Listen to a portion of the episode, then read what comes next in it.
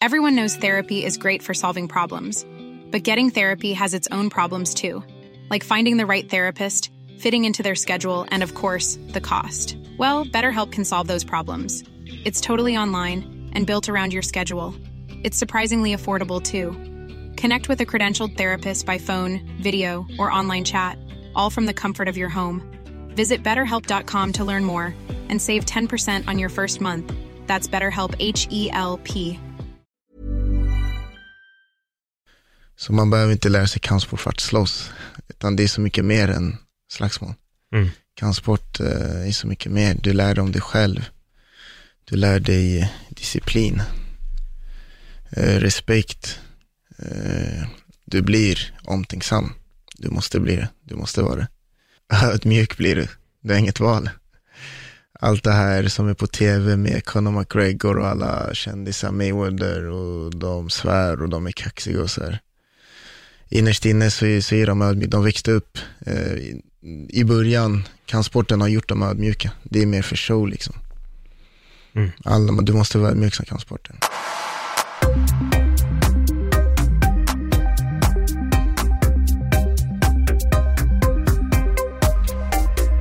Kostas Nanga, välkommen till Öppet sinne. Tackar, tackar. Ja, nu ska vi sitta och diskutera och dyka in lite i ditt liv. Ja. Jag tror att de flesta känner igen dig som boxaren, men eh, när man tittar så finns det ju mycket mer än eh, boxning som händer runt omkring dig. Absolut, absolut. Eh, det finns en värld utanför och innanför ringen, Mm, som man ser. definitivt. Och du går match, jag frågade dig, när har du nästa match? Den är ganska snart va? Ja, den är nu i helgen. Så. Jo, jo. Jag kör nu i helgen med eh, landslaget, boxlandslaget. Så det blir Mm. min debut med boxningslandslaget. Okej. Så vi har Nordiska mästerskapen i Finland. Mm. Hur känns det då? Det känns super. Eh, Ja. jag, är, jag är redo. Det är bara time to shine, som jag brukar säga. Mm. Men måste du gå ner i vikt eller någonting? Hur, hur nära din, eh, din, vikt, din matchvikt ligger du? Jag måste gå ner i vikt, men denna gång så är jag redo. Jag, så jag, jag har jobbat bra med vikten, så jag har bara två kilo kvar. Skönt. Verkligen. Hur mycket brukar du gå ner? Alltså totalt? Det beror på, allt beror på eh, hur tätt in på matchen. Jag, eh, hur tätt in på jag fått reda på matchen. Och sen beror det på hur jag, eh, om det är invägning dagen innan eller efter, samma dag som fighten. Mm. Så jag brukar säga att fem kilo brukar jag gå ner. Mm. Ibland mer, ibland mindre. Liksom. Just det. Och det är ändå inte 15 kilo, så det är ingen Nej, nej, nej. extrem, Nej, man får, ju, extrem klippning. man får ju tänka med huvudet ibland. Exakt. Helt rätt. Är huvudet dum för kroppen lida? Men du, du har gått från thaiboxning till boxning va? Det stämmer. Mm. Eh, 2000, låt mig se nu.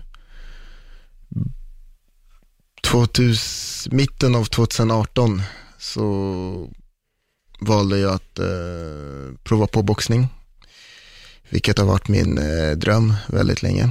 Eh, jag har hållit på med thaiboxning men eh, jag har alltid gillat boxning. Liksom. Jag har alltid velat tävla i boxning, eh, träna boxning. Så då tog jag beslutet, kontaktade Louis Lagerman, min tränare, som också var här tidigare, Mm. jag har podd med dig. bra. Tog kontakt med honom. Vi har haft kontakt i, jag tror vi har haft kontakt i fyra år. Men nu tog jag kontakten och sa att, hej Louis, jag vill träna boxning, kan du hjälpa mig? och Louis sa, så snäll som han är, ja Kostas, du är välkommen ner. Så där började vi. Och eh, då var det faktiskt så att vi tränade nog, vi tränade några månader, sex månader tror jag. Och jag tävlade fortfarande i thaiboxning. Så jag körde thaiboxnings-VM samtidigt som jag tränade bara boxning med Louis. Och så körde jag eh, en K1 eh, proffsturnering i Estland när jag körde med Louis. Och de, det VMet och den proffsmatcherna, i turneringar jag gick i kick och thaiboxning, hade jag utvecklats så mycket i thaiboxningen. Alltså jag hade blivit en helt ny fighter och eh, jag hade kommit på en ny nivå av enbart tränat boxning med Louis. Åh fan. Så det var, det var ganska häftigt så liksom. I och med att man tävlar, det är ändå VM i thaiboxning. Och eh, jag har inte tränat någon thaiboxningsträning, men ändå var bättre än någonsin. Och eh, fick nöja mig med ett VM-silver. Sen hade vi någon eh, proffsturnering i K1 i Estland och var outstanding. Och jag har aldrig varit så bra liksom. Och av enbart eh, träning med eh, Louis liksom. Ja, jag blev ju helt såld på Louis. Jag har ju träffat Louis i, i några år nu Ja. när vi kommenterar och man hinner ju snacka så mycket emellan jobben. Mm. Men sen när jag väl bjöd in honom till, till podden här så vart jag verkligen så här, wow, alltså han har ett sånt eh, Alltså min, min plan när vi poddade var att vi skulle gå in och prata minnen också för att han har ju en otrolig erfarenhet av att ha tränat med liksom Otroligt bagage. Ja, men verkligen. Och det- min reaktion direkt var att okej, vi kommer inte ens hinna gå in på minnen här för att det finns en filosofi, en sån skarp tanke bakom fighting, Ja. eller just boxning då, som är, ja, det, man, jag vill inte sluta lyssna. Ja, det är jag- verkligen så. Eh, Det, det är verkligen så. Jag, jag har ju haft en kort karriär, så jag ska inte säga att jag är den mest meriterade, men jag känner ändå att jag har hunnit vara med några tränare och hunnit uppleva eh, olika tränare. Och jag kan säga att Louis, eh, Louis är otroligt bra. Alltså. Vad är det Louis gör för dig som eh, får honom att sticka ut? Naturligtvis det tekniska, fysiska. Eh, det teknik, slå uppercut så, gör så. Fighting är liksom tekniska, fysiska. Men största delen är det psykiska. Det är där Louis är speciell. Det är där han är något utöver det vanliga. Och det, är, det, är på, det är det psykiska liksom. Han får, med, han får en att tro på sig själv. Och eh, han får ändå tro på sig själv verkligen och, och få en på bra tankar och eh, han, är, han är mästare på att läsa, på att känna av människor och vad just du behöver liksom. Verkligen. Mm. Ja. Mr. Mr. Lagerman. Eh, Mr X. det är Professor X menar. Precis. Vad skulle jag säga? För, vad sa du, nu gjorde du, var det amatörboxning? Ja. Vilken klass? För jag antar att det finns ett gäng olika klasser där Eh, också. jag går ju över nu till A-klass direkt eftersom att eh, jag tar ju med mitt eh, thaiboxningsrekord. Okej. Så då blir det så att jag kör A-klass. Hur många matcher brukar man behöva gå i A-klass innan man kan bli proffs? Det är väl en, alltså det är väl en eh, från person till person. Men eh, jag har ju ambitioner om att bli proffs, Mm. självklart. Men vi känner att eh, det, jag behöver rutinen och jag har ingen stress, jag har åldern på min sida. Så all, all rutin jag kan få innan jag blir proffs eh, tar jag liksom. Därför har vi tänkt att köra några år amatör i alla fall. Så Mm. jag hinner få upp rutinen och lära mig Just det. boxningen. Ja, 22 år gammal, ung, än Ja. så länge. Än så länge. Jag vet, jag har aldrig varit så här gammal så jag känner mig gammal. jag förstår det. Jag har aldrig varit 41, men jag är det i sommar. Och Ja. eh, jag kommer nog också uppleva en, en helt ny Ja, så är det liksom. Allt är relativt.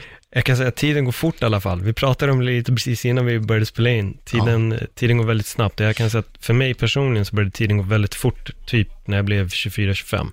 Då känns det som Okej. att allting började bara flyga, flyga bort. Nu när man tittar tillbaka till jag började kommentera MMA heltid 2016, vi är redan inne på 2019. Och det känns som att det verkligen var så här, igår jag fick samtalet att nu kör vi. Eh, och ja, då har Shit, gått alltså, jag har två år på mig innan tiden tickar iväg. Exakt. Du måste leva 40 år av liv på två år här nu. Ja, Men jag tyckte en annan grej var lite skön också, som du sa, jag sa där, det här sparar vi till podden. När vi kom in på när jag var född. Ja. Ja, och vi började diskutera 80-talet. exakt. Och du sa att du jättegärna hade velat leva på 80-talet. Vad, är det Ja, ja. som, vad är det som lockar till 80-talet? Musiken, det är musiken, det är kläderna, det är... eh, Sen är det ju så här, jag har aldrig levt på 80-talet så alla förstår. så jag kanske har fått, fått en helt annan bild och media har visat mig en helt annan bild. Men det såg ut som att det var en bra tid och eh, en väldigt eh, vaken tid tror jag. Mm. Eh, känner jag. Väldigt, jag gillar musik, jag gillar kläderna och eh, det verkar vara en eh, väldigt, en tid för eh, den, de, en tid för den fria tanken, en tid för eh, pionjären. Mm. För det som vill testa och våga testa. Jag var ju väldigt ung Mm. under, under 80-talet, men du har rätt vad gäller musiken. Jag skulle nog säga där en sak som vi nog var, som sagt jag var för ung för att vara vaken, Mm. men man var mer närvarande. Mm. Just för att det fanns inte tel- mobiltelefoner. Mm. Eh, jag hade ett Nintendo, men det var inte som att du satt framför Nintendot hela tiden, i hela, utan du spelade oftast ett spel, sen tröttnade du på det och då var, det liksom, då var man klar. Ja. Så jag tror man var nog mer närvarande i familj och, och hela den biten. Vilken musik är det du gillar från 80-talet? Mm. Mycket, men mycket disco. Mycket disco Eh, alltså. Mycket, vänta, jag har en, jag har en lista jag ska få fram. Mycket, vad heter han då? Eh, mycket, mycket disco, mycket, jag har ju, här. Uh, Lee Moses, Marvin Gaye. Mm. Eh, ja. Mycket, ni gjorde dansmove. Det Mycket dans, ja. Jag kommer ihåg när man lärde sig robot, alltså eh, vågen för Mm. första gången när breakdance började. Just det, Grandmaster Flash. Ja, och det tyckte man var skitcoolt, man kunde göra vågen. Sa, Kolla det här, wow vad coolt. Ja. Nu finns alla de movesen redan implementerade i alla, precis. Men då var det verkligen nytt. Det var någonting som, som stack ut. Det är det jag menar. Det var, det var ju mycket, mycket nytt. Mm. Folk experimenterar med nya grejer. Och du måste ju tänka på att det, nu i vår tid kommer det mycket nytt. Mm. Men vi har ju vi har ju alla medel för att komma på nytt. På den tiden använde man det gamla för att komma på det nya, liksom, vilket gör det så häftigt. Mm. Det var väldigt eh, autentiskt. Ja, jag minns ju faktiskt den tiden då man hade kanal 1 och 2 bara. Så pass. Det var värsta, det var, jag kommer ihåg det, för där jag bodde så var det en, eh, det vart en debatt om de skulle ta in kabel-tv eller inte. Så då var det några som inte ville ha kabel-tv, som tyckte att nej men det där kan vi strunta i. Men då Mm. vart det möte och då började folk gå emot, så det är klart att vi ska ha kabel-tv. Klart. För det fanns inte överallt. Eh, nu tar ju alla för givet att man har 2000 kanaler på sin Ja, ja. tv, men, men eh, det var verkligen ettan och tvåan i, i början. Det var, fanns inte jättemycket att kolla på, så hade man VHS-er och... Ja, det var en helt, det var, det var en, En annan tid. det var verkligen en annan tid. Jag önskar att jag kunde ta tillbaka dig till, till Take me 80-talet. back. Ja. Filmerna glömde jag se. Ja. Mycket bra filmer och så. Det tycker jag också, för det är lite, det var en annan tid. Det var, humor var på ett annat sätt för att det var inte PK. Nej. Eh, Jag såg om Blazing Saddles till exempel. Det våras för sheriffen, Mel Brooks. Men den är nog gjort på 70-talet tror jag. Alltså inom fyra minuter av den filmen så hade den liksom varit grovt rasistisk, grovt sexistisk och jag var så jag bara, du vet, jag bara va? Jag hade för mig att det här... Det var bra. Ja, och jag Att det var, var PK. ja, jag var så chockad. Jag bara, fattar inte att det var så grovt alltså. Men när man börjar titta på 80-talsfilmer, de är, det är en annan, Different breed. Ja, det är en annan grej. Men vi hoppar fram till nutid. Ehm, vad var det som fick dig att eh, börja med, med thai? Med kampsport. Uh, ser man, det var... Det bara blev så. Jag flowade, jag hängde med flowet och så hamnade jag i en thai-lokal och så fortsatte jag gå dit och sen så rätt vad det gick jag match och så nu står jag här liksom. Hur gammal var du när du gick din första match? 17 var jag. 17 år. Så jag tror jag gick det efter. Två månader efter att jag började träna på en klubb så gick jag match. Jag tjatade till mig. Fick stryk. tjatade, jag vill gå match, jag vill gå match. Okej då, satte upp mig. Fick stryk. Vad- hur var nerverna när du skulle gå upp för första gången? Eh, man brukar ju säga så här, det ligger oss naturligt människor, man är alltid rädd för det okända. Så det var ju något nytt. Jag visste inte riktigt eh, vad, jag, vad som väntade mig. Vilket skapade en viss eh, rädsla och oro. Och eh, oro i sin tur, rädsla och oro i sin tur skapar nervositet. Som i sin tur eh, är en eh, självförsvars, vet, Mekanism? överlevnadsmekanism. liksom. Så det var väl så det jag kände. Sen efter matchen, besvikelse i och med att man har förlorat. Men jag har aldrig känt mig så levande. Nej. Så det var nog det som gjorde att jag fastnade. Och vinnarskallen, att man bara, okej, Ska jag, jag, måste gå, jag måste vinna i alla fall när jag ska sluta. Jag tror att det är därför jag inte håller på med fighting eller idrott överhuvudtaget, för att jag har verkligen ingen vinnarskalle. Mm. Jag är så här, jag skiter i om jag förlorar. Jag, så jag tror jag hade varit en ganska dålig, liksom, jag hade aldrig gått om en titel för att jag är, så här, jag bryr mig inte så mycket om det, om det inte går min väg. Nej, jag förstår. Och jag tror jag, så här, det var som också min polare sa för flera år, eller för några år sedan, att jag var i Kanada och då var han så här, men den här, uh, min polare kommer vilja få dig att dricka alkohol så vi skiter och drar dit för att vi Mm. skulle springa ett lopp dagen efter. Men de kommer bara hetsa dig och du kommer falla för trycket. Fast jag bara, nej, alltså du förstår inte, jag faller aldrig för kompistryck. Jag har, alltså jag har verkligen aldrig gjort det. Kan, man kan säga vad man vill, jag kommer ändå inte göra det. Det, det liksom, jag bara, det rinner av mig. Han bara, nej men alltså, jag bara, alltså du, du förstår inte. Du förstår inte. I'm a different breed. Ja, precis. Och jag tror det är lite det där med vinnarskallen också, att om jag bara skiter i det så bara, det spelar ingen roll. Jag, jag tar inte grejerna på så stort allvar liksom. Eh, Men jag har gått en taekwondo-match faktiskt. Eh, och det var den första taekwondo-matchen jag såg i, mitt, i hela mitt liv, det var den som var innan min. Wow. Så det var, en- det var en speciell upplevelse. Och, och min taekwondo-coach var mer fokuserad på kater än vad han var på fighting. Så vi började sparras, typ, fick köra lite så här enkel sparring, typ tre, fyra dagar innan vi skulle åka iväg till Nyköping för att gå den här taekwondo-tävlingen. Så det var noll förberedelse. Torska på poäng och det var en enda poäng som jag torskade Okej. på. Han fick in en ren huvudträff och det gjorde att han vann. Men, Jo, men jag menar, med efter, om man tänker på förutsättningar du hade, ja. Nej, det var inte inga höjda förutsättningar alls. så gjorde du det jäkligt bra alltså. Precis. Kolla på matchen innan, okej, det är så här det går till. Okej, let's go. Taekwondo är roligt när man ser hur slagen är. Det är ju skitlöjligt, det ser jättelöjligt ut. Ja, med sparkarna efter. Ja, nej, men det, och det gillade jag med taekwondo. Det, jag gillar verkligen sparkarna. Eh, Men, och det blir lite när, när du, hur är dina sparkar nu? Eftersom att du eh, börjar lägga mer och mer fokus på, på boxning. Kör du fortfarande flashiga thai-sparkar och knän? Eller? Grejen är den med thaiboxning, jag har haft problem med höften, jag har problem med höften. Mm. Eh, vilket som gör att eh, jag inte kunnat sparka, inte över midjan, om det inte är raka sparkar. Mm. På grund av? Eh, problem med höften, det är höftkulan, höftböjen, det är benbitar som står i vägen. Okej. Så jag kan inte göra vissa rörelser, eh, vissa rörelser med höften och benen. Mm. Så jag har egentligen kört thaiboxning med low kick och knän. Och slag och armbågar. Clinch liksom. Men sjukt bra low kicks då? Ja, alltså egentligen inte. Jag har använt arm, äh, händer och äh, huvudet. Just. Ja, men då kanske ändå är helt rätt att kliva över till boxning. Då slipper du fokusera på dina Höften. egna sparkar och höften. Och, Ja, verkligen. för det påverkar inte dig i bara själva ståendet och gång. Nej, nej, nej, nej, absolut inte.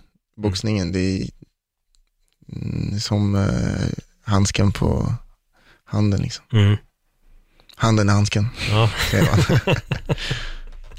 Men eh, lite fighting-filosofi från dig då? Vad, hur ser du på, på fighting? Så jag ser på fighting, alltså, det jag har hållit på med lagidrott tidigare, fotboll. Så jag kommer ifrån lagidrott. Vi är elva stycken på plan. Tolv stycken på plan. Mm. Nej, har jag glömt? Nej, vi är elva stycken på plan. Ja. Jag tror, jag är- vi följer inte fotboll och det är, ja, Nu nej, det är mig elva. jättedum. Ja, men vi är elva stycken Ja. på plan. Eh, förlorar man så förlorar man som lag. Mm. Eh, det är väldigt mycket di, eh, divigheter i fotboll tycker jag. För att eh, man är ett kollektiv och eh, vi människor är flockdjur. Det finns olika, hur ser man, positioner i, i en flock. Eh, Mm. olika, man delar upp uppgifter i en flock och hierarki och så vidare, ranging. Så gå över sen till en individuell sport. Där när du kliver in i ringen så är det bara du. Vad som än händer så är det på dig liksom. Mm. Det blir nytt. Så man utvecklas väldigt mycket som människa. För det är ju så att för att utvecklas som människa måste du komma inifrån.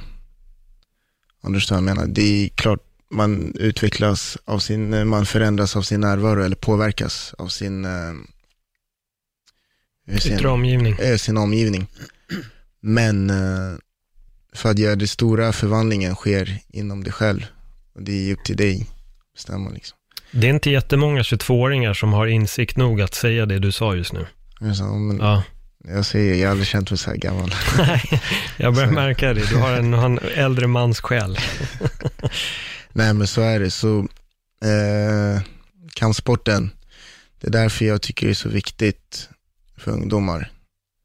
Och eh, för mina småsyskon tänker jag och om den dagen jag får barn själv Så man behöver inte lära sig kampsport för att slåss, utan det är så mycket mer än slagsmål. Mm. Kampsport eh, är så mycket mer. Du lär dig om dig själv. Du lär dig disciplin, eh, respekt. Eh, du blir omtänksam. Du måste bli det. Du måste vara det. Det är så det är. Ödmjuk blir du. Du har inget val. Allt det här som är på tv med Conor McGregor och alla kändisar, Mayweather och de svär och de är kaxiga och så här. Innerst inne så så är de ödmjuka. De växte upp. Eh, i, början, kampsporten har gjort dem ödmjuka. Det är mer för show liksom.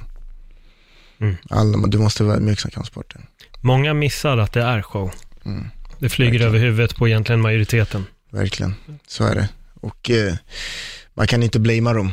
Det är det man ser, vi lever i en sån värld nu att det du ser, eh, det du ser på tv, mobilen, datorskärmen, sociala medier, det är verkligheten. Mm. För det är ju så. Sen är det inte så, det, det, jag förstår att det är så. För det är så här, innan vi hade det här, de du kände till var de du kunde se fysiskt. Dina grannar, din, de i skolan, dina polare, okej? Så det du såg var det du eh, trodde på. Men nu har du möjlighet att se hela världen. Mm. Så det du ser är det du tror på. Det säger sig själv. Så man kan inte blamea människan, för så har det alltid varit. Det du ser är det du, det är det du tror på. Men nu kan du se något helt annat, från mils avstånd, från en eh, kontinent, en annan kontinent. Det kan du se, vad kommer du tro på? Det är klart du kommer tro på det. Vi har en direkt access till egentligen alla kändisar som Allt. jag hade aldrig på 80-talet. Mm. Eh, Det fanns ingen möjlighet, var man tvungen att skriva ett fysiskt brev. Vart man sur på någon så gick man med tanken, men jag kunde aldrig direkt höra av mig till någon kändis nu då, säga, eh, och bara skälla ut dem. Så då var var man inte så sur några timmar senare. Mm. Problemet nu när vi sitter med allt det där, att vi har den här direkttillgången. Och som du säger också, man, man tror gärna på allting som man ser och man kan... Jag börjar ju tänka på platt jord bara, så folk, folk börjar gå på ganska lustiga saker på senaste tiden. Men, nej men du, du har en poäng.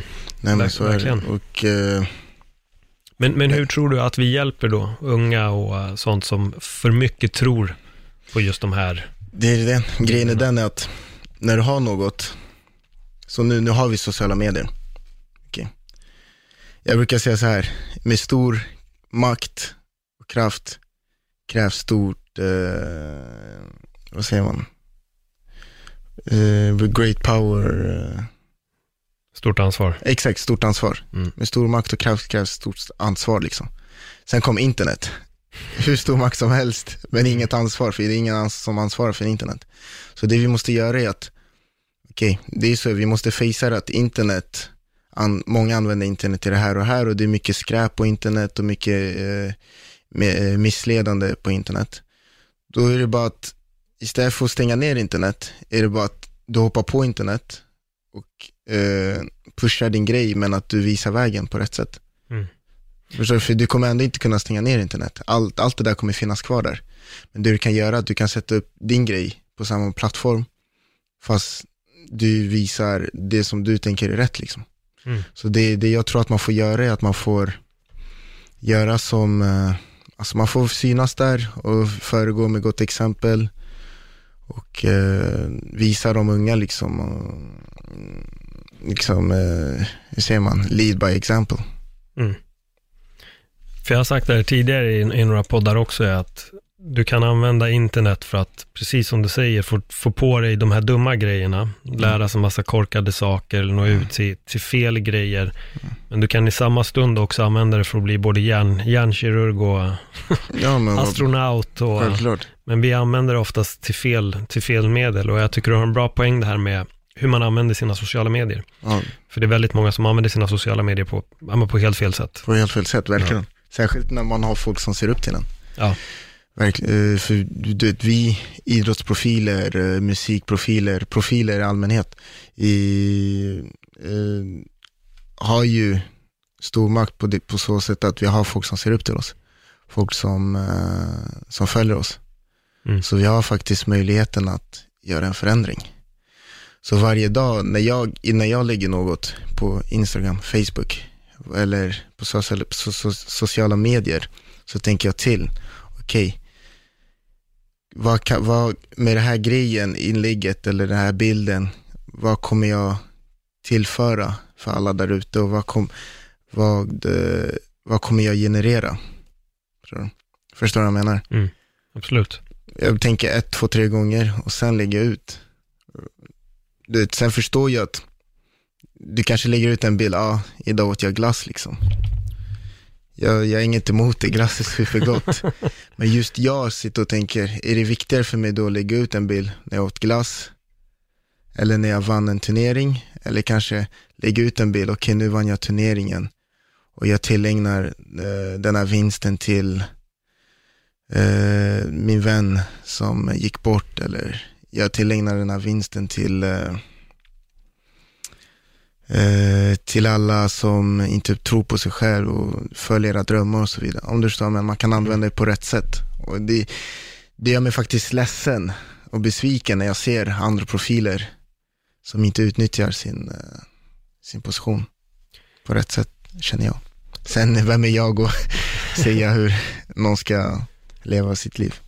Ja, men så är det. Sen tror jag också att alla, alla jag, jag, tror bara inte alla, alltså det handlar om insikter. Du säger det kommer inifrån, men jag börjar, nu blir min fråga här, hur, hur såg din uppfostran ut? För att det känns som att det kommer starka och bra värderingar från dina föräldrar. Eh, jag växte upp med eh, min morsa mm. enbart. Eh, jag vet inte, alltså grejen är den, min morsa har alltid visat mig kärlek och alltid visat kärlek inte bara mot mig själv utan mot, mest mot andra. Så det sättet hon har behandlat andra människor har nog påverkat mig mest. Mm. Sen är det klart, man har inte varit den uh, lydigaste ungen som man har fått några uh, lite däng här och där och lite utskällningar och straff. Men det är framförallt, det är, det är framförallt hur hon har behandlat andra och hur hon har välkomnat folk hem, eh, hur vi har välkomnat gäster och tagit hand om andra. Jag tror det är det som har utvecklat mig. Mm. Och sen så brukar jag säga att eh, jag har nog fått min morsas eh, hjärta. Så är det. Det är inget jag kan göra åt, något åt liksom. Nej men det låter så, för när du återberättar så som din mamma var så märker man att det är där, därifrån mm. kommer ditt tänk. där kommer ödmjukheten inför andra människor och respekten mm. inför andra människor. Mm. Vilket är superbra. Jag tror att väldigt många missar det och um, det kan ta många, många år innan folk börjar komma till de insikterna. Ja, ja, verkligen. Det är väl det jag har lärt mig på det sättet jag uppfostras. I och med att jag är äldsta syskonet så har jag förstått, eh, väldigt beskyddande. Jag är också för den delen också. Men väldigt beskyddande, men framförallt omtänksam har jag varit. I och med att man är äldsta syskonet. Hur många syskon är ni? Med mig är vi fem. Mm. Ja, fem. Mm. Ja, jag måste också tänka ibland ja, när jag får fem, ja. Man glömmer oftast att räkna in sig själv. Exakt, exakt. Det är alltid det som är, är grejen. Ja. Så, så det är väl där det kommer mycket. Just det. Sen är mycket, eh, jag är ju från en annan kultur. Jag är ju från eh, Afrika då, som mm. du kanske ser. så vi växer upp, vi är i en annan kultur, så det är väl där respekten kommer gentemot de äldre och så vidare. Va, var i Afrika? Jag är faktiskt från Kongo, Angola och Senegal. Mm. Så det blir central eh, Västafrika. Just det. Mm. Hur, var, hur var uppväxten med mamma? Och kulturen tänkte jag lite på nu. För det var det du var mm, precis ja. på väg in på. Alltså min morsa varit väldigt modern. Så vi flyttade ju, jag flyttade, jag flyttade från eh, Afrika till Europa väl när jag var tre år. Jag tror jag var ett eller två år innan min mamma kom till Europa. Så jag bodde hos eh, mina mostrar i Paris, nej Frankrike. Mm. En i Paris och sen i en annan ort i Frankrike. Så jag egentligen växt upp i Europa. Sen flyttade vi till Schweiz och slutligen kom vi till Sverige. Eh, Magnus Ladulåsgatan, 200 meter härifrån. ja, det är nära. Det är riktigt nära ja. härifrån. För er som inte vet då så spelas den här podden in på, på Söder. Så det vet ni. Men vad skulle jag säga, men hur länge bodde du, bodde du i Frankrike och när, när, hur gammal var du när ni kom till Sverige? Jag var sex, sju år när jag kom till Sverige. Så jag bodde väl i Frankrike Schweiz två, tre år. Mm. Mm. Hur var det att komma hit? Det var nytt. Det var nytt. Uh, snön, i Schweiz hade vi snö i och för sig. Men uh, det var nytt. Uh, det var ju här jag gick, uh, jag gick skola, skola. Innan gick jag i dagis i Schweiz snabbt. Men då är jag började skolan. Mm. Och börja, du vet, när man börjar skolan, det är då livet börjar. Man tar med sig böckerna till skolan och så vidare. Och så vidare. Så det var, det var, det var nytt verkligen, Sverige. Man börjar känna sig vuxen när man är sju. när man är sex, sju år, ja. Oh yeah, I'm the big guy. Ja, man börjar redan planera räkningarna semester. så, semesterveckor. Ja. Men då blev ni uppfostrade med din mamma ensam då, till en början i alla fall? Eller? Uh, nej, vi bodde med min styvpappa, men uh, det, var, uh, det var mest med mamma som uppfostrade oss. Mm. Det var lite, det var inte helt uh, hundra där hemma liksom. Nej, okej. Mm. Men det är stort hjärta från mamma. Ja, Ja. jag har fått kanske 20 procent av hennes hjärta. Kanske. Ja. Ja, men du, jag- blir lite fascinerad just det här som vi har varit inne på redan. Alltså din ålder, du är, du är väldigt ung, du har eh, du sitter med, med insikter och ett djup. Och det är egentligen eh, en annan ung fighter, är Karl Albrektsson, Mm. som också har ett otroligt djup. Mm. Eh, så nu är jag lite nyfiken på, vad läser du för böcker? Eh, vad gillar du att titta på? Böcker, när jag gick i skolan, det är intressant, för jag har alltid haft problem att skriva. Jag nästan fobi för att skriva. Mm. Börjar med skriva en sida, då börjar jag svettas och vill nästan börja gråta. Jag har inte dyslexi. när jag väl skriver så har jag inga problem, men det är bara att just att skriva, det är någon fobi. Jag tror att det är väl något som har kommit med tiden liksom. Jag har Mm. undvikit att skriva. Men att läsa har då alltid varit eh, det jag har gjort istället. Så jag har faktiskt blivit bra på att läsa. Och jag läste, mycket, jag läste ganska mycket som, eh, som ung, när jag var yngre. Jag var som ung i 22 år, Nej, men som yngre liksom. Läste jag väldigt mycket. Och jag har alltid, det är jättekonstigt, men sen jag var, alltså, sen jag började läsa, så är det alltid faktaböcker, självbiografi och ja, faktaböcker och självbiografier. Det är det enda jag läser. Jag kan inte läsa något som är påhitt eller en bok, eh, Fiktion. eh, fiktion, bok, fiktion, eh, fiction, eh, bok eller eh, vänner i böcker. Men du vet sådana här. Mm. Eh, jag kan, jag må, det måste vara självbiografier eller faktaböcker. Annars ser jag inget värde eller intresse. Vilka faktaböcker, har du några faktaböcker eller biografi som, som har stuckit ut för dig, som du har läst? Eh, egentligen allt. Jag fun- alltså jag, information, jag ser allting som information. Så eh, allt man ser, allt man rör, allt man andas, käkar, allt som finns är egentligen information som går in i huvudet. Och som eh, går in i hjärnan och som hjärnan tolkar och ute efter tolkar och tar in, sparar, memorerar. Och eh, slutligen eh, så skickar den ut en reaktion från hjärnan. Eh, du tar in information och ut kommer eh, slutprodukten, reaktion Mm. och så vidare. Så jag har alltid tyckt om att ta in information. Så faktaböcker i skolan, biblioteket, så tog jag allt. Så jag läste eh, om hundar, så kunde jag alla hundraser som fanns. Allt, var, hur, hur hög, långa de var, eh, vad de hette, vilket land de var. Började läsa om andra världskriget, lärde mig allt om andra världskriget och bara, alltså jag bara läser. Jag gillar info. Mm. Jag gillar att eh, veta saker. Och eh, min, eh, för mitt ego gillar jag att veta saker och framförallt att om någon frågar mig något så ska jag veta svaret liksom.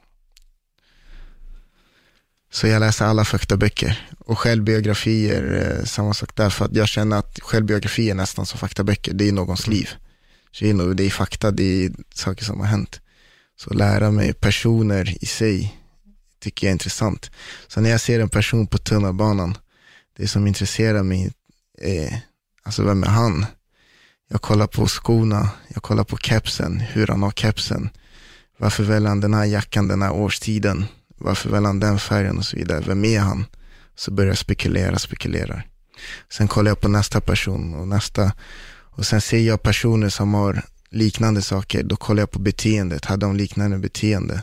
Och så vidare. Då memorerar jag. Till slut så får jag, vad heter det, som en dator. Okej, personer med den färgen och de skorna brukar oftast ha det här beteendet. Och har de det beteendet, då är det ofta så här och så här. Fan, du låter som att du skulle passa som en sån här um, eh, profiler för FBI. Nej, jag vet inte, men det, är, det här är saker, grejen, jag har alltid varit så sedan jag var liten. Alltid Mm. varit så. Men med tiden och i och med att man utvecklas, man lär känna sig själv och förstå varför man är som man är och varför man gör som man gör. Jag har förstått att det här har, det här har jag gjort hela tiden, men nu förstår jag varför jag gör det och varför jag alltid har gjort det. Varför? Det, det, är- alltså, det är väl, alltså det är, det är den jag är. Jag gillar ju att ha kontroll. Mm. Jag gillar ju att eh, ja, ha kontroll liksom. Det är den jag är. Fast tror du att det ha- har med kontroll att göra, att du analyserar människor? Jag tror nästan det. Alltså, jag, tror, jag, tror, jag tror jag vill, jag gillar att vara förberedd, gör jag. Det är väl nyfikenhet, absolut. Vet du vad jag tror att det är? Det? Att du ser. Ja, ja exakt. Det är, jag ser ju så. Nej, men du, du, du tittar, för att det är rätt intressant. Titt, när du tittar på de här människorna, Mm. så finns det ju en detalj som du måste ha märkt. Mm, Att de tittar inte på de som finns runt omkring. mm, Att det är några få, det är få personer när man sitter på tunnelbanan som man ser att de faktiskt är medvetna om vad som händer. Och det känns som att det är var 40 vagn finns det en person som faktiskt tittar på andra. Det, det, det du säger, det måste fan, det stämmer fan. För att det är någonting jag har fått nu med tiden, tjejen är skitirriterad på mig. För jag blir irriterad när jag inte tycker att hon kanske observerar tillräckligt. Ja. Eller när jag går med mina småsyskon. Jag, sitter, jag tänker, kände, hör, kunde ni inte höra att det var någon som skulle komma bakifrån? Eller kunde ni inte se? Ni såg ju att personen framför er flyttade sig. Då måste ni förstå att det är någon som kommer bara, sådana här grejer. Och det, det, jag tror det är som du ser, att jag tittar och när jag ser att andra inte ser det jag ser blir jag nästan irriterad liksom. Ja. Ja, men för, för det var inte så här, jag pluggade på Poppius här för, eh, vad var det, ett år sedan. Mm. Och då hade vi en fotograf som var där och höll en föreläsning. Mm. Och då kom han in på, varje morgon när han gick med sin dotter till skolan, så ville hon alltid titta på flygplanen. Mm. Och då sa han, han det var något tillfälle när de hade gått, han var lite stressad för de var tvungna, han var tvungen att lämna henne på dags för att gå till jobbet. Mm. Då hade han sagt, men du har redan sett flygplanen, vi ser det varje morgon. Mm. Och hon säger, jo fast det är aldrig samma flygplan. Du ser, ser han hade missat det. Ja, och han sa det med, han bara, när hon sa det så fattade jag. Det är aldrig samma flygplan. Mm. Det är klart, det är hela tiden nya flygplan. Mm. Och det, ibland krävs det verkligen ett litet barn alltså för att förstå att vi måste börja titta. Och jag, jag kan vara likadan som dig. Jag vet när jag, om jag var och fika med någon, med någon kompis, speciellt om jag är med någon tjejkompis, så blir de alltid skitförbannade för att om, jag, om hon inte har väggen bakom sig, Mm. då kommer jag titta på alla som är på stället. Jag hör alla konversationer, Mm. så jag har en uppfattning om vad som pågår på hela stället. De bara, titta på mig, titta Ja, på mig. kolla. Jag hör allt du säger, det är bara att jag hör vad de säger. Också. Jag kan inte ignorera det. Nej, Du nej. måste, ja, verkligen, det är som du säger. Eh, man kan inte, jag vill ignorera det. Jag Mm. vill, du vet, när jag käkar med tjej, jag vill fokusera bara på henne, men det går inte för att nej. det är min plikt. Jag måste kolla runt och eh, jag tar in och det blir så, det blir så. Och, vet du vad jag ser ibland? Det har gjort att jag har haft enkelt att förstå människor kanske. Jag är, jag är inte den som dömer, men jag förstår, li, jag ser li, mönster Mm. i grejer och också mönster i människor. Så jag ser om en, eh, två människor har mycket samma mönster så, så kan jag se likhet i det. Eh, om, jag, om de har likhet i mönstret så kan jag se det. Och då kan jag lätt eh, tänka, okej jag har varit med om den här människan tidigare fast det är första gången vi träffas. Så ibland så är det så här, jag, är en, jag gillar detaljer. Mm. Så jag gillar detaljer i, det, folk som gillar detaljer, det kan man se i kläder, det kan man se i sko, eh, det kan man se i kläder, i eh, utrustning, accessoarer accessoar och så vidare och så vidare i livet. Går hem till dem så ser du att de, de tänker i detalj och så vidare. Och det har jag lärt mig att eh, läsa. Så ibland när jag ser någon, då kollar jag på mobilskalet kanske, eller boxningshandskarna, hur han knöt det. Då ser jag så, okej, okay, vi, vi är lika på det sättet att vi gillar detaljer liksom. Och då brukar jag fråga så här, först brukar jag fråga liksom, um, vilket land den kommer ifrån. Så brukar jag fråga stjärntecken. Sen brukar jag faktiskt fråga, shit jag ser att du gillar detaljer. Hur kommer det sig att du gillar detaljer liksom? Ja, men det är jätteroligt. Vet, vet du vad det roligaste av allt det här är? Jag tror att du skulle bli skitduktig på att skriva fiction ifall du en dag valde, för att du ser människor och du ser just detaljer och det är någonting som en bra, alltså fiktiv bok mm. har alltid en detaljrika karaktärer. Det är det som gör att de, att de lever. Mm. Man kan göra en så jättesimpel förklaring, till exempel varför funkar Marvel-filmerna och inte riktigt DC? Mm. För att du har människor i Marvel, mm. du har riktiga liksom personer i den, medan de senare filmerna från DC har inte det. Mm. Det gör att man inte fastnar, men du ser detaljerna. Du tittar efter sånt. Jag brukar, något jag gillar att fokusera på, det är hur folk går. För att jag har haft problem med, med min egen okay. fot. Så jag är så noggrann med hur de sätter ner fötterna. Jag, om jag sitter vid tunnelbanan på en hållplats, mm. då kan jag bara sitta och studera hur folk går. Hur, folk hur, går. Ja, hur de rör höfterna, hur de sätter ner fötterna, om de har problem med kroppen, om de är ojämna. Och, mm. Jag tycker det är skitroligt. Vi är lika du och jag, fan jag blir lite fullskratt här. Ja, det är nästan ja. logik liksom. ja, nej men det är kul. Nej men vad, vad pratar du om? Uh, psykologi, fighting. Ja, och det var just en grej som jag skulle säga. Fan, du skulle nog bli en ruskigt bra psykolog. Det var min nummer två här. Everyone knows therapy is great for solving problems. But getting therapy has its own problems too. Like finding the right therapist, fitting into their schedule, and of course, the cost. Well, BetterHelp can solve those problems. It's totally online and built around your schedule. It's surprisingly affordable too. Connect with a credentialed therapist by phone, video, or online chat, all from the comfort of your home. Visit betterhelp.com to learn more and save 10% on your first month. That's BetterHelp H E L P. A lot can happen in three years, like a chatbot may be your new best friend. But what won't change? Needing health insurance. United Healthcare Tri Term Medical Plans, underwritten by Golden Rule Insurance Company, offer flexible, budget friendly coverage that lasts nearly three years in some states. Learn more at uh1.com. efter böcker. Mm. Just för att också se de här sakerna med ja, i människor. Uh, ja, psykolog. Jag har tänkt på psykolog faktiskt, men uh, det kommer, jag har lite andra grejer. Ja, efter den andra karriären. Ja, verkligen. Nej men, uh, fighting psykolog, uh, fighting psykologi. Mm. det är så här, jag fightades, jag var ung, jag fightades, man vann, man förlorade, man vann och så vidare. Karriären gick. Om man tänkte, då levde i det här, okej, okay, träna hårt så går det bra. Träna på det så går det bra. Och eh, förlorar man, eller förlorar man en match, eller såg man, när jag såg på, eh, vad heter det, när jag såg på svagheter i en match, när jag kollade på en match på mig själv och såg på, eh, eh, hur ser man då? ja, brister kanske? Ja, brister.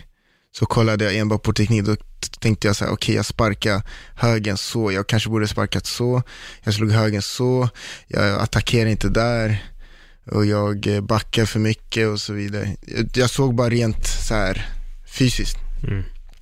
Sen träffade jag en tränare som inte ens jag tränade med, utan vi träffades bara på middag, jag pratade familjevän.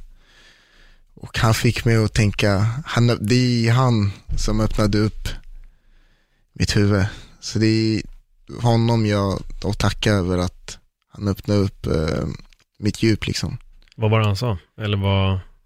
Det, det är sjukt alltså. Vi träffades, jag skulle gå min första eh, A-klass proffsmatch i thaiboxning i Finland. Eh, min tränare som jag hade då, eh, jag vet inte om han försökte skrämma mig, men han verkade inte så jättesäker med mig. Det var vår första match, jag hade varit skadad tror jag sex månader kanske, fyra månader. Uh, inte tränat så jättebra på grund av skadan. Så han var lite säker, säker på att du vill ta matchen. Han är stark. Han är fyra gånger finsk mästare. Han är nordisk mästare. Är säker? Och du, han var ju på en nivå jag inte ens var i närheten av. Jag hade precis gått en B-klassmatch. Innan det så hade jag bara gått C-klass. Jag var ju super amateur. och han var, det var A-klassmatch, armbågar i Finland. Jag hade inte ens tränat någon armbåge. Jag hade aldrig slagit en armbåge, inte ens på säck eller mitts. Så jag bara, jo men vi kör, vi kör, vi kör, vi kör. Och sen sista dagen så bara, ah oh, shit, uh, är jag verkligen så här? Vad tänkte jag liksom? och då kom den här familjevännen på middag, vi pratade och han, vi kollade på matchen på motståndet. Och det jag hade sett tidigare när jag kollade på honom, det var ju hur han slog ner folk. Hur han sparkade där, vilken kraft han hade, fart, hur han bara träffade, träffade. Och så kollade vi på en match, precis samma match som jag hade kollat om och om igen. Och då ser jag så här, då ser jag så här, ah, han, han sparkar hårt. Och då ser min familjevänner säger så här bara, jo men om du kollar på hur den andra killen beter sig så känns det som att de har mött varandra några gånger och han har fått stryk alla gånger. Då fick man att tänka, det finns ju en annan mm. värld. Det är inte så enkelt som att man bara sparkar och så är det som det är, utan det finns djupare än så. Så han förklarade, han bara, men du ser ju hur han beter sig. Den andra killen har redan förlorat innan han har gått in. Det var då han öppnade upp det här för mig och bara, oh shit. Det är mer, fighting är mer än bara det här och det här. Och så berättade han kanske, då var det en sekvens där den andra killen var aggressiv och flashade, släppte händerna och såg självsäker ut. Han bara, men du måste ju förstå det för att han träffade med det och det, han har inte blivit träffad någon gång. Så kom jag på, just han har inte blivit träffad någon gång. Det är klart, han blir självsäker om han har bara träffat och själv inte blivit träffad. Då fick det mig att förstå det här. Och så vann jag matchen på knock efter tre sekunder. på en grej, han sa det, han bara, när han sparkar Eh, sparken. Han kommer lägga en tidigt i matchen för det är hans styrka. Obviously. Mm. Det är sådana grejer som man bara berättar för mig. Ja, ah, just det. Alltså är man bra på något, det är det första du gör. Det slänger inte det du är sämst på liksom. Så han bara kommer sparka den sparken. Och när han gör det kollar du på hans hand. Den är alltid nere. Så när han kommer med den så slår han overhand och så lalala. Första sekunderna så gör han den sparken. Och jag slår overhand och han åker i backen och jag vinner matchen. Och för mig då var det så här, alltså what is this? Mm. Vad är det här liksom? This is beyond me. Så det, och det fortsatte och det jag kunde göra efter det, för han öppnade upp min fighting-tänk så, och då kunde jag ta fighting-tänket till vardagslivet. Förstår du? Så jag kunde ta det tänket till vardagslivet. Varför beter, han sig, eh, varför beter han sig så här, den här personen framför mig nu? Jo, men det kanske är för det här och det här och så vidare. Aha, alltså det är djupare än så. Mm. Så hur kan jag ändra det? Och, lalala. och jag, som sagt, jag hade allt det här i, i mitt huvud. Jag tänkte, eh, och jag såg hur folk såg ut, vad de hade på sig, folk betedde sig och så vidare. Man såg detaljer och så. Men jag visste inte varför jag gjorde det, eller vad jag hade för användning av det. Mm. Så i och med att han visade mig det här tänket i fighting, kunde jag ta det till vardagslivet och använda de egenskaper jag hade i mig men inte kunde använda. Liksom. Så han var nyckeln till, eh, till allting. Liksom. Och efter det så ändrades min fighting på en helt annan nivå. Men var det just fighting som han hade själv i bagaget eller? Uh, han var, han var fight, uh, uh, kickboxingstränare. Okay, okay, Men han var väldigt djup. Mm. Och han öppnade upp det för mig. Och jag snappade och tänkte, oh, shit. Och då är det jag förstod, okej. Okay. Och det ändrade mig som människa. Ändrade mig som fighter framförallt. Uh, allt, allt, allt, allt liksom. Det intressanta där är att det ibland är så små saker som kan göra att mycket förändras. Ja. För vissa personer hade det här bara varit, okej, okay, jag vet nu hur jag ska vinna mot den här killen. Mm, mm. Och eh, that's it. That's it Men för dig öppnade det upp mycket, mycket mer. det öppnade upp ett helhetsperspektiv, hur du börjar analysera människor även utanför fighting. Mm. Så. Ja, verkligen. Det, var, det, det är tack vare honom. Jag har mycket att tacka för honom. Liksom. Till mm. honom. Hur mycket kontakt har ni idag? Uh, vi har kontakt lite då och då. Uh, han har klubblokaler inte långt härifrån. Men jag har berättat för honom att det är tack vare honom. Självklart, det, man måste göra träning, man måste ju träna, du måste göra eh, hemjobbet eh, på lokalen och svettas, mm. men jag förstod värdet av det psykologiska och det har varit mitt övertag. Just det. Hur länge sedan var det här? Skulle säga tre, tre år. Mm. Tre, fyra år kanske. Tre och ett halvt, fyra år. Mm. Ja, snart börjar en ny era också. Ja, det är sjukt alltså. Ja, det är sjukt. Allt bara fortsätter. Och nu när jag har träffat Louis, han har tagit mig till en ny nivå. Ja. Och vi har inte ens börjat. Liksom. Så jag är nästan rädd för framtiden. Liksom. Ja, om tre år träffar du någon annan som tar upp det på en annan nivå också vad gäller saker. Allting går ju hand i hand. Det behöver inte vara att du träffar en ny person inom fighting, alltså, Nej, utan att exakt. dyker upp en annan person som öppnar upp ytterligare. Självklart. Ytterligare en absolut. absolut. Det, det jag har haft i livet, som eh, jag har haft alltså egentligen hela mitt liv, är min eh, alltså, för, för, ödmjukhet och framförallt öppenhet. Mm. Vilket har lett mig till, eh, till många olika, som har lett mig till grejer. Så jag bara hänger med, jag bara hänger med liksom.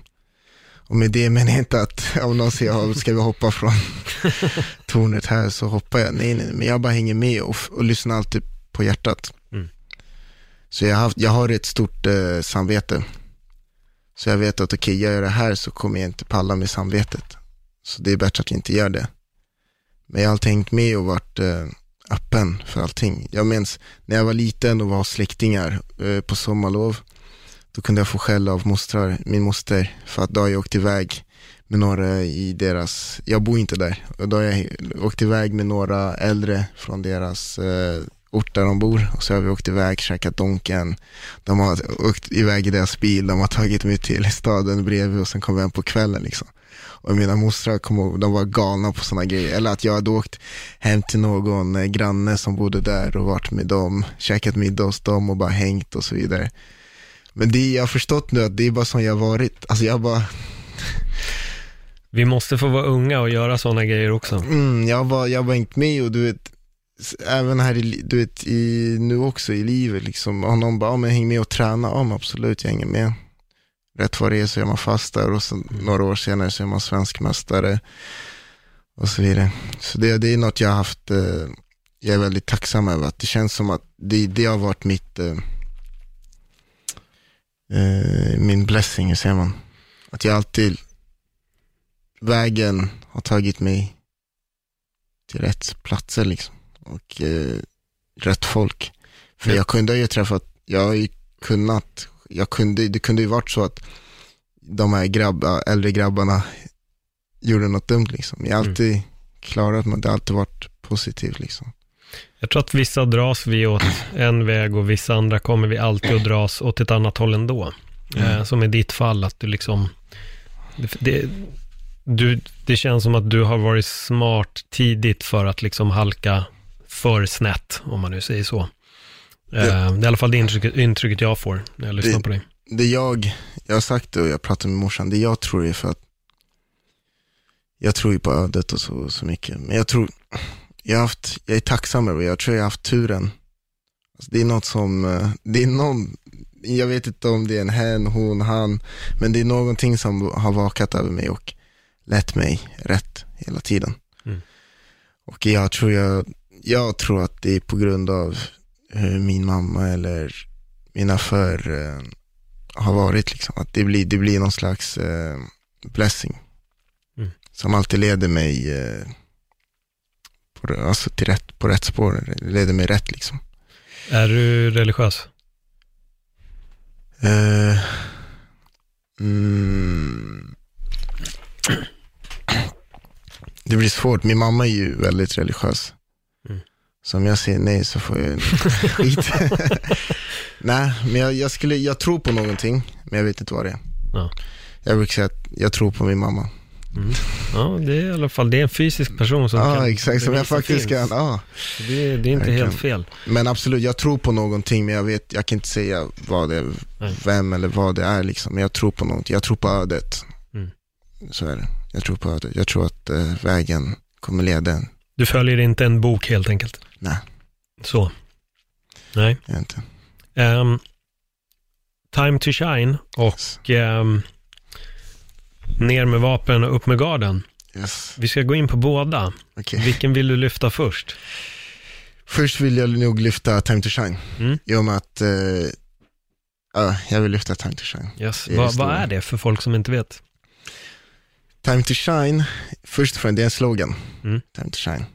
Som eh, min, eh, en av mina första tränare eh, från min första klubb, jag hade två första tränare när jag började med kampsport. Eh, Peter och Jocke. Uh, time to shine är något som Jocke, min tränare, alltid, han sa det alltid till oss innan match. Time to shine, time to shine, time to shine. Och ni hör ju vad det, vad det betyder. Det är dags att skina liksom. Upp i ringen och skin, briljera. Så då fick jag tanken och började lägga den hashtaggen, time to shine, time to shine. Och folk hoppade med på det liksom. Time to shine. Och då la jag hashtaggen time to shine med en tvåa och en stjärna liksom. Och folk hajade, hajade grejen att det, det är dags att briljera, det är dags att skina. Mm. Nu kör vi liksom. Så fortsätt, så jag, fick jag en idé. Fan, det här är, det här är någonting. Det här är en uh, movement liksom. Så jag hade mycket vänner som skrev Time to Shine, fotbollsspelare som skrev ah, det är dags att skina när jag skrivit kontrakt med det och nu kör vi liksom. Jag hade vänner som var frisörer och eh, bodybuilders som bara, ah, men dags att skina. Då gav det mig en idé att jag kan faktiskt göra något av det här.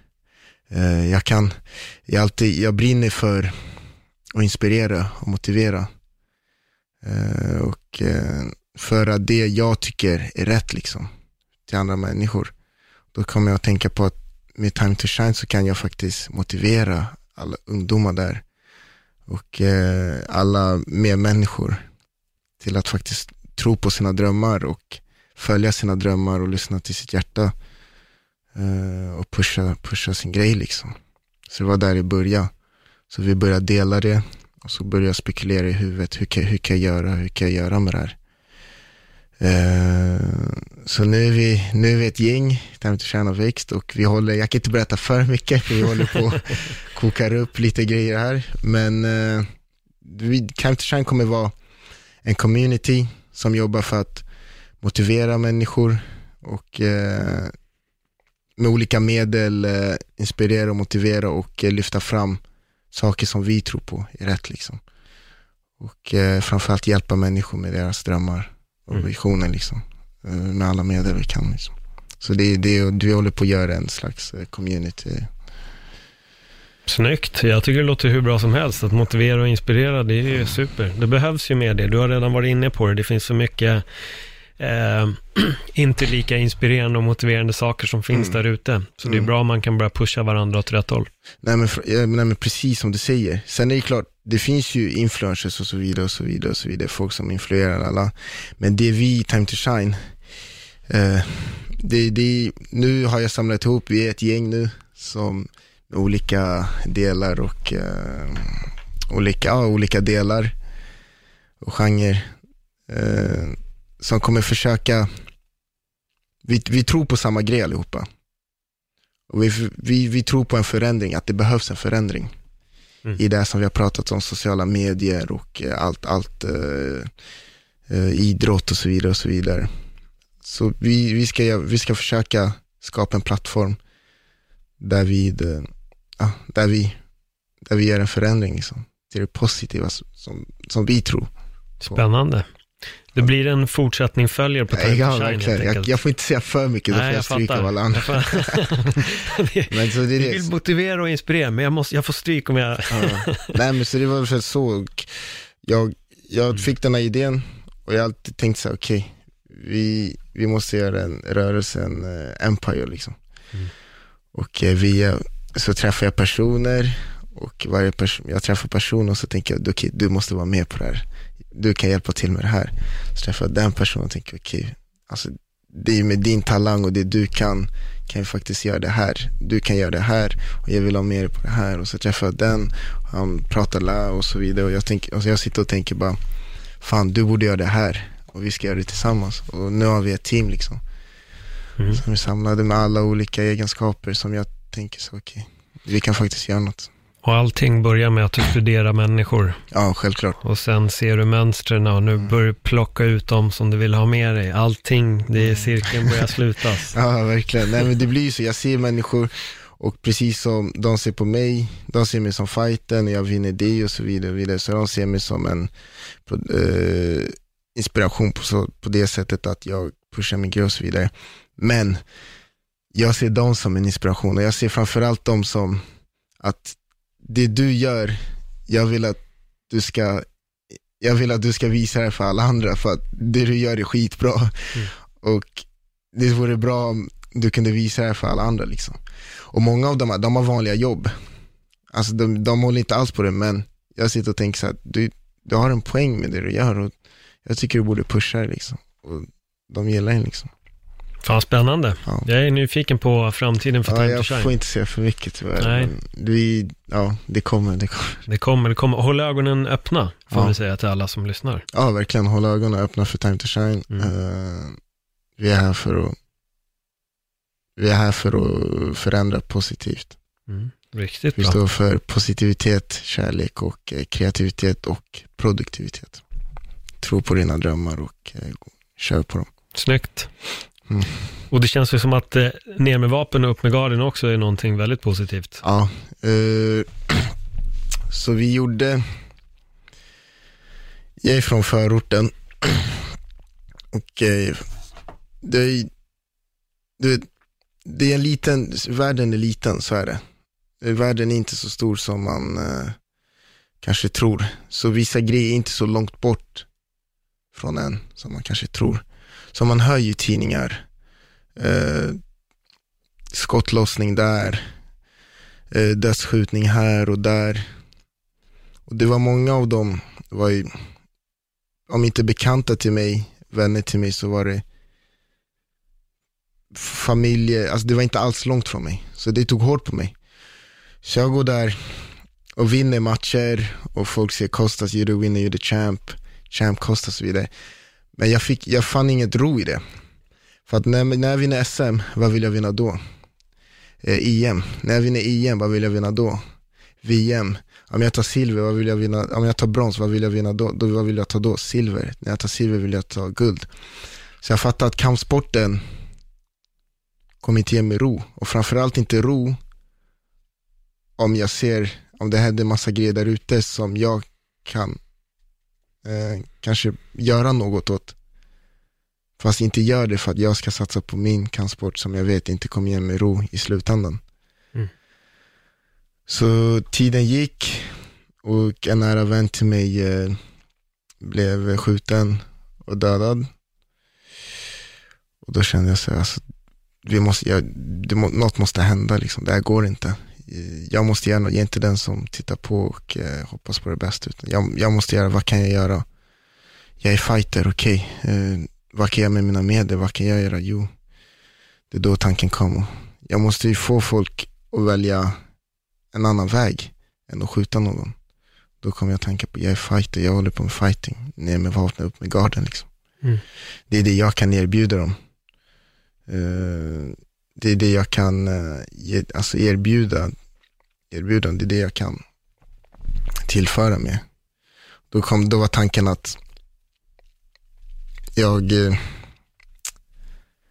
att man, eh, ja men, det är ungdomar där, de, de har inget att göra, de hänger på gatan, på gatan händer fruktansvärda saker.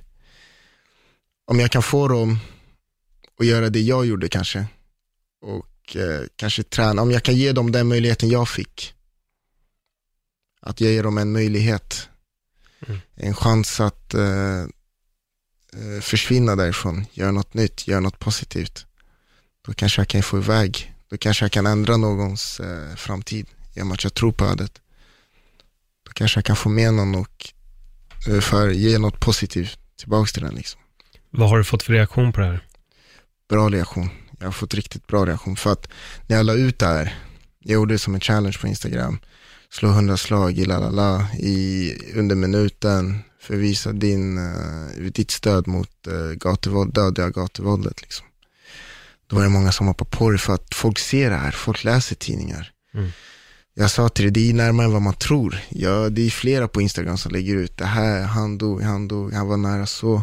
Så du vet, man, alla ser det här och det, det är på en annan siffra. Jag kan läsa nu, jag har lite statistik här. Mm. Eh, 2009 dog 10 personer av dödsskjutningar i Sverige. Sex år senare har siffran nästan tredubblats till 2015, 28 stycken personer som dog av dödsskjutningar i Sverige. Eh, två år senare har det nästan fyrdubblats. 2018 dog 45 Mm. personer av dödsskjutningar i Sverige. Det har blivit ett stort problem. Ja, ah, det här är ett problem faktiskt. Mm. Det här är, det här är ett Det här är, det här, är ett problem Mm. som faktiskt, det, här rör människor.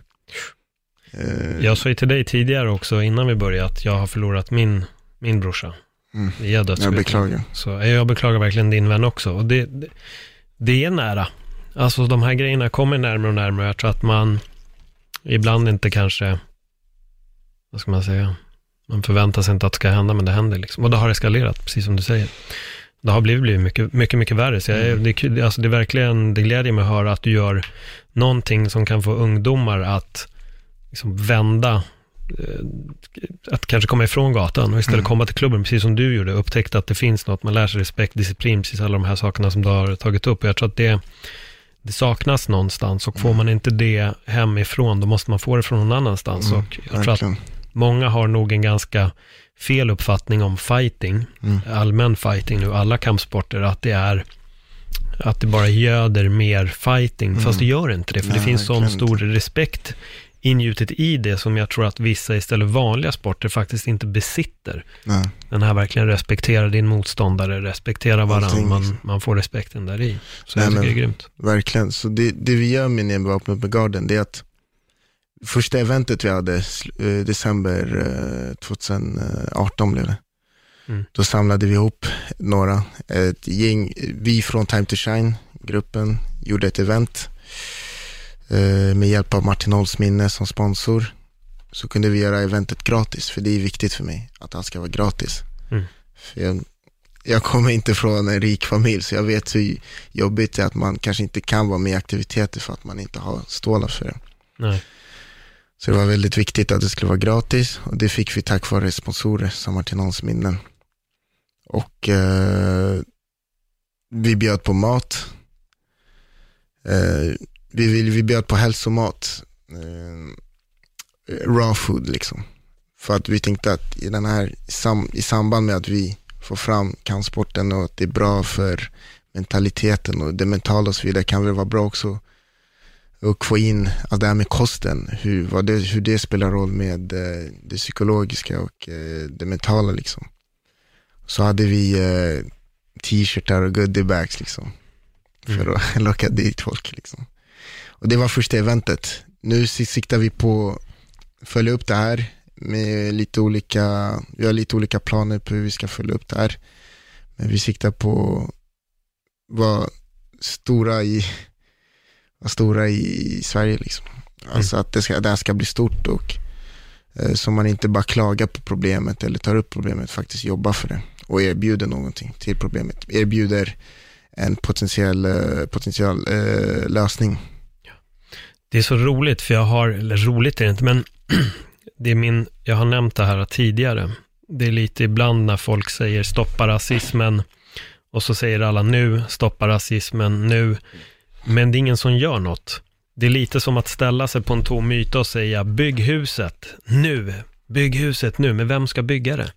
Vi behöver folk som också tar tag i verktygen för att börja göra någonting. Det är inget fel att stå och skrika att gay ska försvinna, men jag tror att om man står där och skriker att gay ska försvinna, då kanske man också ska vara redo att göra någonting. Ja, verkligen. Du gör ju något. Nej men verkligen, alltså det, när jag såg de här problemen så att jag tänkte, vad kan jag göra? Mm. Alltså, jag satt inte och tänkte så på vad är lösningen, jag försökte inte hitta någon eh, formula till lösning eller hitta någon skyldig eller la, la, la, eller att kommunens fel eller någonting. Jag satt och tänkte bara, vad kan jag göra? Vad kan jag erbjuda alla i samhället? Mm. Det var ju fighting. Så vi gjorde det här, grej, eh, det här eventet och det är vi som startar det här eh, initiativet då på Time to Shine.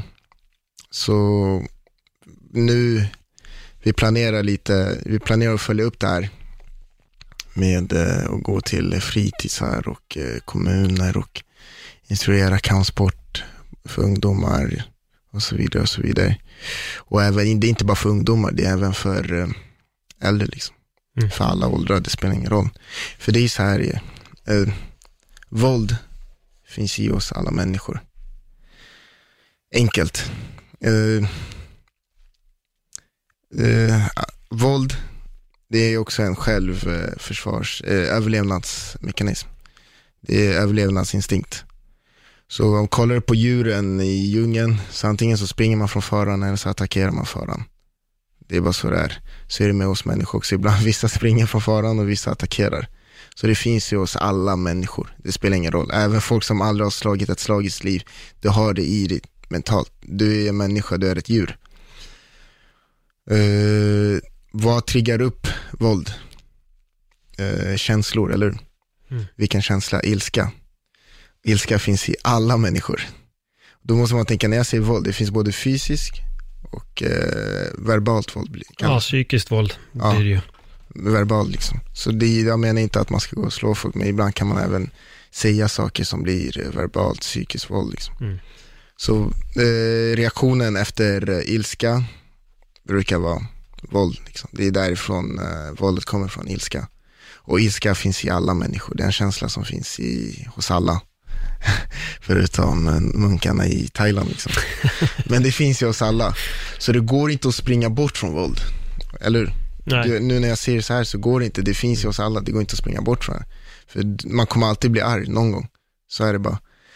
Vad kan man göra då när man har en sån situation? Man kan antingen springa från situationen eller så kan man ta tag i det, eller Vad är det då, om du tar tag i situationen, i det här fallet är det våld, vad gör man då? Jo, vad, hur kan man ta tag i våld? Jo, man kan ju träna våld.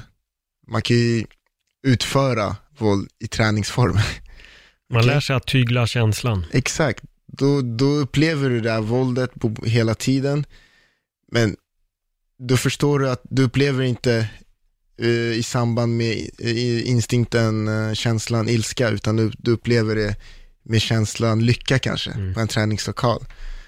Uh, förstår jag menar? Jag jobbade som P3 för, PT förut. Mm, mm. Uh, och det var en kille som jag tränade och jag erbjöd honom bara slå mitt. Mm. Först var han lite skeptisk, men sen körde vi mitt. Han tyckte det var skitkul. Gången efter kom han in till passet, så skulle vi göra liksom styrketräning. Han bara, mm. Nej men Paul, kan vi slå lite mitts? För mm. jag är, fan jag är på dåligt humör idag med jobbet. Jag bara absolut, mm. så vi körde mitts. Han bara, fan vad skönt här. Det här var skönt. Då var han lugn. Mm. Och det är precis det, då tyglar man det. Man, man, får ut känslorna genom att slå lite mittsar, gå på lite sparring, slå säck eller sparka säck eller vad man än gör. Så är det. Så och får du, man utloppet där. Människor, ibland så blir jag trött på människor, för vi är så jävla smarta, men så blir vi så dumma ibland. Alltså vi människor, vi är så, vi är så pass kompetenta att vi kan eh, vi kan ändra instinkter hos andra djur, lejon. Vi kan eh, tämja ett lejon som vars instinkt är att eh, käka upp oss. Det har varit i miljoner, jag vet inte hur många år. Mm. Och på två år kan man ta bort den instinkten. Förstår du hur smarta vi är? Men varför kan vi inte göra det hos oss själva? Hur kan man inte förstå det att okej, okay, eh, våldsamma människor, hur kan vi tämja dem? Det vore väl enkelt som helst egentligen. Mm. Tycker man. Sen förstår jag att det inte blir enkelt i och med att eh, vi har ju eh, utvecklat eh, tanketänkande, eller, så det blir ju svårare, liksom, man måste gå djupare. Men det jag försöker se är att enkelt sätt och eh, tämja där, eh, eller enkelt sätt att kontrollera det här våldet är att du utsätter dig för det. Och lär dig att förstå att okej, okay, jag faktiskt, jag behöver inte använda det här våldet enbart när jag har ilska i mig, utan Eh, det, jag kan, det, det här är glädje liksom, det här gör mig glad.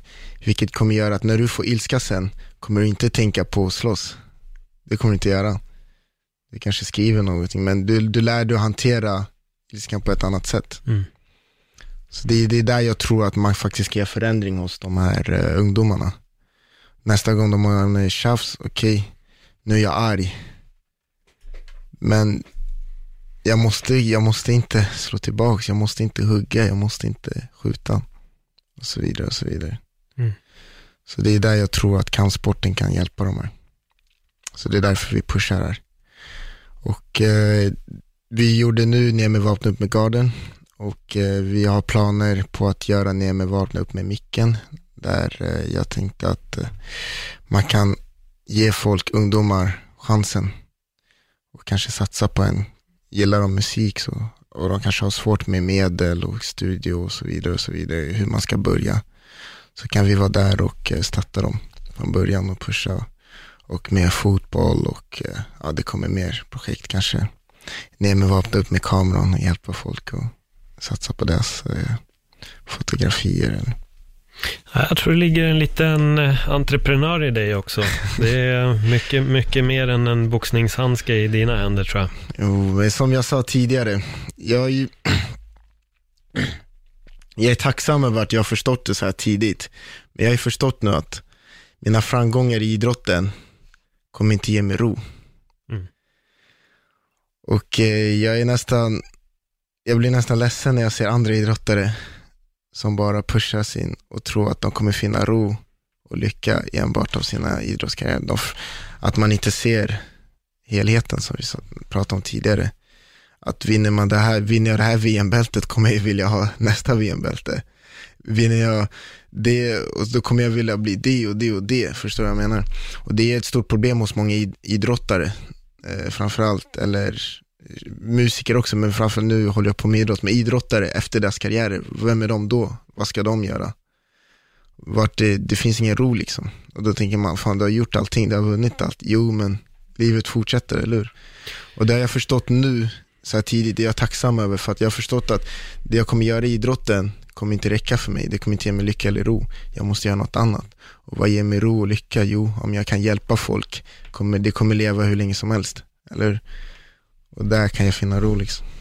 Det är, man, det är lätt att missa livet när man lägger all fokus på, på bara karriär. Jag, jag var där också, det var stand-up och jag skulle bara bli ståuppkomiker och jag skulle bli skådespelare. Allt fokus låg hela tiden där. Mm. Eh, sen när jag hamnade i en situation precis innan jag började jobba med MMA, som jag nämnde för dig tidigare, står och säljer abonnemang under tio månader eller vad det mm.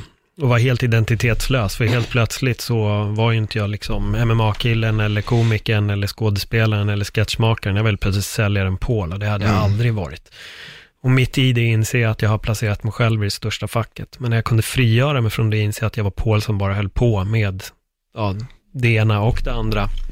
Ja, då kan man helt plötsligt också börja utvärdera livet på ett annat sätt att leva. Mm. Jag tycker det är så kul med det du säger, för att jag släppte, ja, det här, vi spelar in det här på en onsdag och dagens mm. avsnitt heter just att hjälpa andra. Okay. eh, viljan att hjälpa andra, så ja. det är så roligt för du är verkligen inne på det här med Odana som jag har i veckans avsnitt. Ja. Hon, hon pratar verkligen om det här. Mm. Hur hon eh, stack till eh, hade skilt sig efter en 31 års lång relation, mm. åker till Uganda och där helt plötsligt ändras allt för henne. Mm. Och nu jobbar hon med miljöprojekt i Uganda med att få rent vatten till skolorna och lära dem där att mm. odla mat och allt möjligt. Men det, det vände bara på en ja, fingerknäpp så ändrades allt. Och hon ja. säger också det här med ödet och att hitta en mening med livet och det för henne är att hjälpa andra. Precis, en mening med livet, var, varför jag satt på denna jord. Ja. Jag tror, jag, tyvärr så tror jag inte att man är satt på denna jord för att bli heavyweight champ of the world. Liksom. Förstår du vad jag menar? Det finns ju, det finns, uh, man kan ju, men det, jag pushar i min karriär. Mm. Jag, jag tror på mig, jag tror, jag är så pass säker på mig själv och tror att jag kommer bli eh, världsmästare. Jag kommer nå mina drömmar i kampsporten.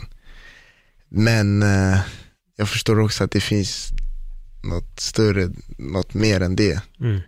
Så jag begränsar mig inte själv. Jag brukar säga att det finns, det har funnits och kommer finnas och finns tusen uh, tung, heavyweight champion of the world, men det är få man kommer ihåg. Muhammad Ali är den man kommer ihåg liksom. Mm. Och det är inte enbart för hans jobb i ringen, utan för det han gjorde utanför. utanför. Speciell tid också. Ja, självklart. Verkligen en väldigt speciell tid och han är ju en som jag tror att om vi börjar spola fram bandet några hundra år, så tror jag ändå att det, det, det, det finns få man kommer minnas, men han kommer definitivt vara självklart, en av dem. Självklart. Eh, en som jag har fått en helt annan syn på, det är Tyson Fury. Mm. Donera bort alla sina pengar, pengar från sin liksom. senaste fight, det är jättefascinerande. Jag tror också att även, man behöver inte säga att kanske karriären är det som kommer ta en rätt håll i livet, men det är också en, en katapult för att kunna göra allt annat som du vill. Mm. Desto mer popularitet och desto större och känd du blir, desto mer pengar du tjänar, så kan du också göra ännu mer. Mm för andra. Som jag menar, det finns en entreprenör, kanske en filantrop här, men kanske ska öppna nya skolor och folk kan gå gratis. Och, Nej, vi, har mycket, vi har mycket, många tankar. Ja, och, jag eh, förstår det. Ska jag berätta dem, det går inte. Ibland så har jag svårt att sova för att det kommer nya idéer, nya tankar. Mm. Ja, men låt dem komma. Det är, de, de, de viktiga kommer du alltid vilja ta tag i och de viktiga kommer du inte kunna släppa förrän du har gjort något av dem. Nej, men självklart, så är det, det verkligen. låter ju som att du verkligen är på den vägen. Verkligen. Gör det, ja, det, det, ska, det är en spännande tid som väntar. Mm. Sen det, det är, ja verkligen alltså. Spännande tid. Det ska bli väldigt spännande att följa. Vi eh, har faktiskt nått slutet. Ja, jag förstod det. det är, jag satt och kollade på klockan och bara shit, vi snackar bra. Vi ligger just nu på eh, nästan 80 minuter. Jävlar. Ja, tiden, tiden går fort. Nu har du ändå en klocka där. Det brukar Ja. vi inte ha i det andra rummet som jag brukar spela in podd i. Och då är det bara jag som har koll på hur länge vi har suttit. och de flesta brukar uppleva det som att man har suttit och snackat i en kvart. Men, ja, men du förkortar ju den, eller hur? Vad sa du? Nej, Du- nej, det här är... Alltså det här du är, lägger ut. Ja, allt, Ah, allt. shit. Jag lägger ut allt. Shit. Det här är för bra för att klippa. Jag vet inte vad jag ska ta bort. Det är, nej, nej, jag, alltså jag, jag säger det, jag klipper nästan aldrig i mina poddar. Okej. Det är om, om någonting har gått fel eller man har varit tvungen att pausa för att göra något. Det är Mm. ungefär de enda gångerna jag klipper. Eller om någonting sägs extremt snett så rättar man till det. Men, men ingenting. Nej, det här är... De får till och med höra det här. Det är, Okej. det till och med de här orden kommer med i, i avsnittet. Otroligt, det var nytt. Ja, men Kostas, om folk eh, vill få tag på det, om man vill följa dig i din karriär och alla andra saker du gör, liksom också väl, i välmening för alla andra medmänniskor, var, var hittar man dig? Yes, på Instagram så går jag under namnet kostas.23 och ni kan även följa min resa via eh, timetoshine.se så time, tvåa, shine.se på Instagram. På Instagram eller på nätet? På Instagram, Okej, på Instagram, time to shine, okej. Sorry, timetoshine.se. stämmer. Båda de är Instagram-konton. Ja, så Yes. där, där kommer det mesta läggas upp och där kan ni följa resan, inte bara med mig utan med eh, Time to Shine också. Liksom. Mm. För Ja. det är, ja, Jag länkar till båda de här i bion, så för er Absolut. som, som lyssnar på det här, ni behöver bara klicka på poddavsnittet så får ni direkt länkar och så. så det var snäll du är. Ja, såklart. Lägger ner lite extra energi här. Nej, men självklart. Ehm, ja, den enkla grejen är att du och jag kommer att sitta inom en uh, framtid igen och prata. För det, Ja, det var skitkul.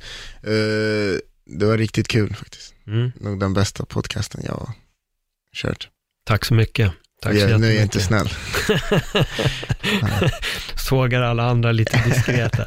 Nej, men det, det, alltså det är kemi Nej, mellan okej. människor. Det är lite så det är och jag känner att du, jag ser likheter i, i dig med mig.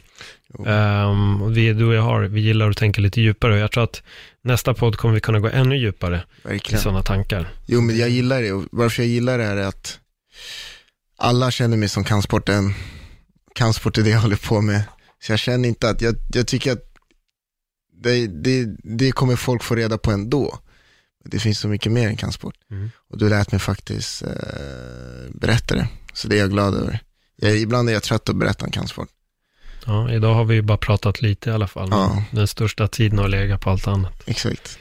Ja, men grymt. Super. Och eh, tack för ett jättebra samtal. Tack själv, tack själv. Ja, Eh, vi syns snart igen. det gör vi absolut. eh, time to shine.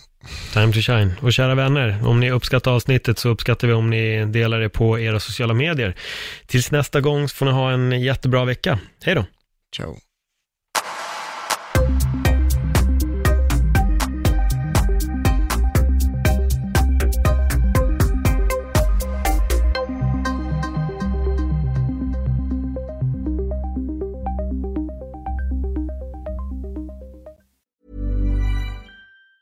Hi, I'm Daniel, founder of Pretty Litter. Did you know cats tend to hide symptoms of sickness and pain? I learned this the hard way after losing my cat, Gingy. So I created Pretty Litter, a health monitoring litter that helps detect early signs of illness by changing colors, saving you money and potentially your cat's life. Pretty Litter is veterinarian developed, and it's the easiest way to keep tabs on your fur baby's health right at home. Go to prettylitter.com and use code ACAST for 20% off your first order and a free cat toy. Terms and conditions apply. See site for details.